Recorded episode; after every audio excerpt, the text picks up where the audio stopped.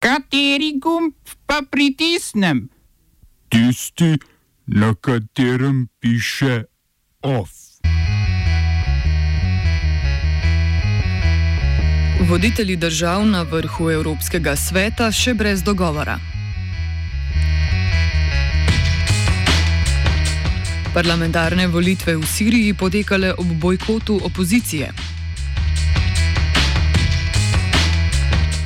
Uročanje karantenskih odločb odslej na vseh mejnih prehodih s Hrvaško.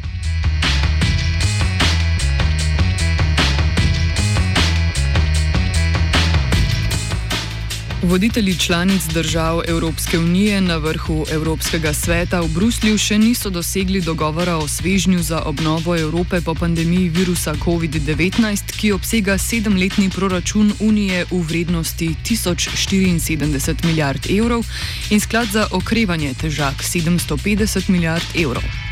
Srečanje, ki naj bi po prvotnem načrtu potekalo le dva dni, se je raztegnilo že v četrti dan. Voditelji pa bodo skupnim zasedanjem nadaljevali ob 16. uri, ko bodo skušali doseči kompromisno rešitev. Dogajanje komentira delov bruselski dopisnik Peter Žerjavič. Tako cel ta načrt za okrevanje kot uh, proračun EU, večletni finančni okvir, Eh, sta povezani eh, zadevi. Ampak kljub temu, ne, zadnji tri dni ne, je bolj odprto vprašanje uh, samega sklada za ukrevanje. Ne. Tu se uvajajo neke novosti, tu so stvari, ki bodo upeljane prvič. Ne. Unija se bo zadolžila, ne, da bo zagotovila nepovratno pomoč državam članicam v visokih zneskih. Ne. To je, če pogledamo po osnovnem predlogu Evropske komisije, šlo za 500 milijard. To je v zadnjih dneh v pogajanjih bilo že krepko uh, okleščeno in uh, po zadnjih podatkih da, danes po noči, torej v noči na, na, na ponedeljek, je bila na mizi, na mizi ponudba 390 milijard evrov nepovratnih sredstev od skupno 750 milijard. Ne. Preostanek bi bil namenjen uh, ugodnim posojilom predsedetim uh, državam, članicam in uh, regijam. Ne. Za znižanje nepovratnih sredstev iz sklada za okrevanje si najbolj prizadevajo Avstrija, Danska, Švedska in Finska na čelu z Nizozemsko in njenim premijejem Markom Rutejem. O razlogih za zauzemanje te drže več Žerjavič. Uh, moramo veriti, da so pač to severne države, ki imajo neko drugačno filozofijo uh, znotraj EU na samem finančnem uh, področju. Ne. To se je že jasno videlo. Uh, uh, med uh, finančno krizo, oziroma predvsem med uh, dolžniško krizo, če tukaj nekako simbolizira pomoč uh, Grčiji, ker je tudi uh, nizozemska tradicionalno bila uh, precej stroga. Ne? Če pogledamo situacijo samega Ruteja, vidimo po eni strani še posebnosti, ne? tudi znotraj tega uh, kroga. Uh, varčnih ne? in sicer da se približujejo uh, na nizozemskem volitve ne, in da ima tradicionalno nizozemska uh, močno uh, euroskeptično uh, uh, desnico, ne, poznamo uh, gospoda Wildersa in tudi samih uh, uh, družbenih uh, razpravah na nizozemskem ne, je pač obstaja neko nezaupanje do tega, uh, kaj bodo države prejemnice, predvsem Italija, naredile z denarjem, zato več čas poudarjajo uh, strogo pogojevanje. Ne.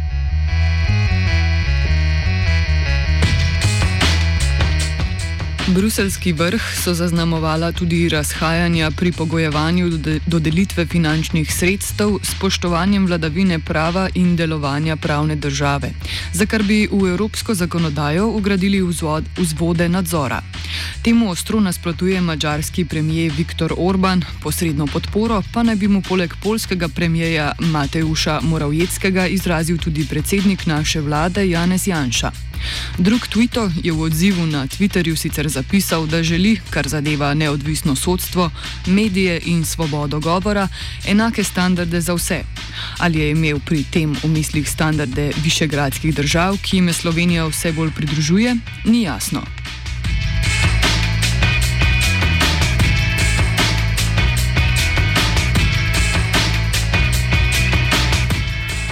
Nove standarde želi udejaniti tudi predsednik polske vladajoče konzervativne stranke Zakon in red, poznane pod kratico PIS Jaroslav Kačinski, ki je napovedal rekonstrukcijo vlade. Odločitev sledi tesni izvolitvi Andreja Dude, kandidata PIS, ki je prejšnji teden v drugem krogu z 51 odstotki glasov premagal liberalnega župana Varša, Varšave Rafala Časovskega, povezana pa naj bi bila tudi sicer. sicer siceršnjo nizko podporo vlade. Katera ministrstva bo rekonstrukcija doletela, Kačinski ni razkril, je pa svoj odstop napovedal zunanje minister Jacek Čaputovič. Funkcijo premijeja bo še naprej opravljal Mateusz Moravjecki. Kačinski, ki niti v polski politiki vleče le z mesta voditelja najmočnejše stranke, je še napovedal, da si bo vlada v prihodnje prizadevala za omejitev tujega lasništva v polskih medijih tako imenovano repolonizacijo bi omejili vpliv nemških lastnikov medijev, ki naj bi med predsedniško kampanjo poročali pristransko.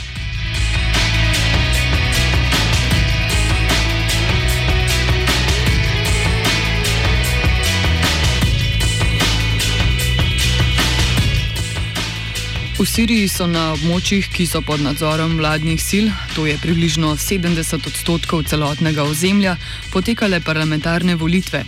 Ob bojkotu opozicijskih strank se večina 250 mandatov obeta vladni stranki Bas, ki jo vodi predsednik države Bashar al-Assad.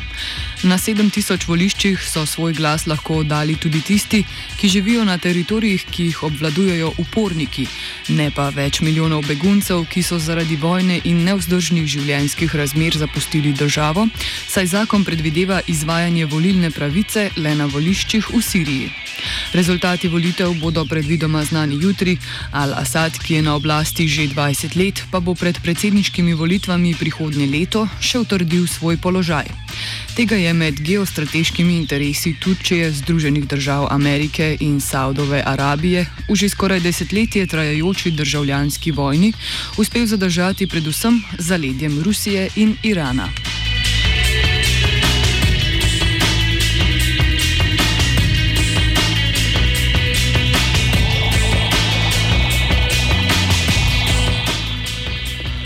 V Iranu so te dni pereča tema usmrtitve. Tem protestnikom, Amir Hoseinu Moradiju, Mohamedu Rajabiju in Saedu Tamdžiriju, ki so lani novembra na ulicah nasprotovali povišanju cen goriva, so po obsežni kampanji na družabnih medijih in pritisku zbora odbora Združenih narodov za človekove pravice odredili ponovno sojenje, s čimer so se omenjeni izognili smrtni kazni, ki pa jim ni uspel ubežati Mahmud Musavi Mač. Nekdanjega prevajalca so usmrtili po obsodbi vohunjenja za Združene države Amerike in Izrael. Mač naj bi vohunil za generalom in poveljnikom posebnih enot revolucionarne garde Al-Quds, Kasimom Soleimanijem. Naj pa njegova aktivnost ne bi bila neposredno povezana s Soleimanijevo likvidacijo v napadu z brezpilotnim letalom, ki ga je ameriška vojska izvedla v Bagdadu januarja letos. Po podatkih Amnesty International je Iran lani usmrtil najmanj 251 ljudi. Več usmrtitev je izvedla le še Kitajska. Oba, če, če bom odgovoril na angliški. Slovenija bo poskušala pomagati. Slovenija bo naredila naš utmost, da bo rekla, da je situacija naš problem. In bomo naredili nadaljnje korake, as soon as the conditions are. Bomo vlado Marjana Cererera Šarca podprli. Very, very serious. From Slovenija. We know how and we will.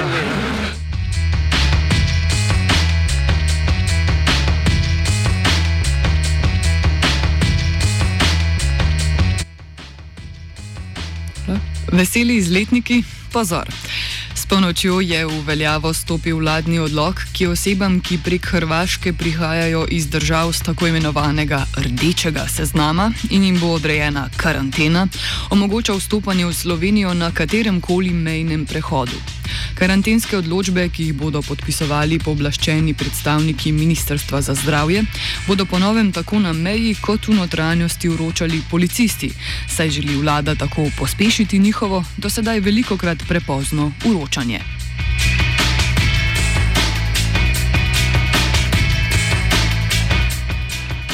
OF je pripravil Žiga.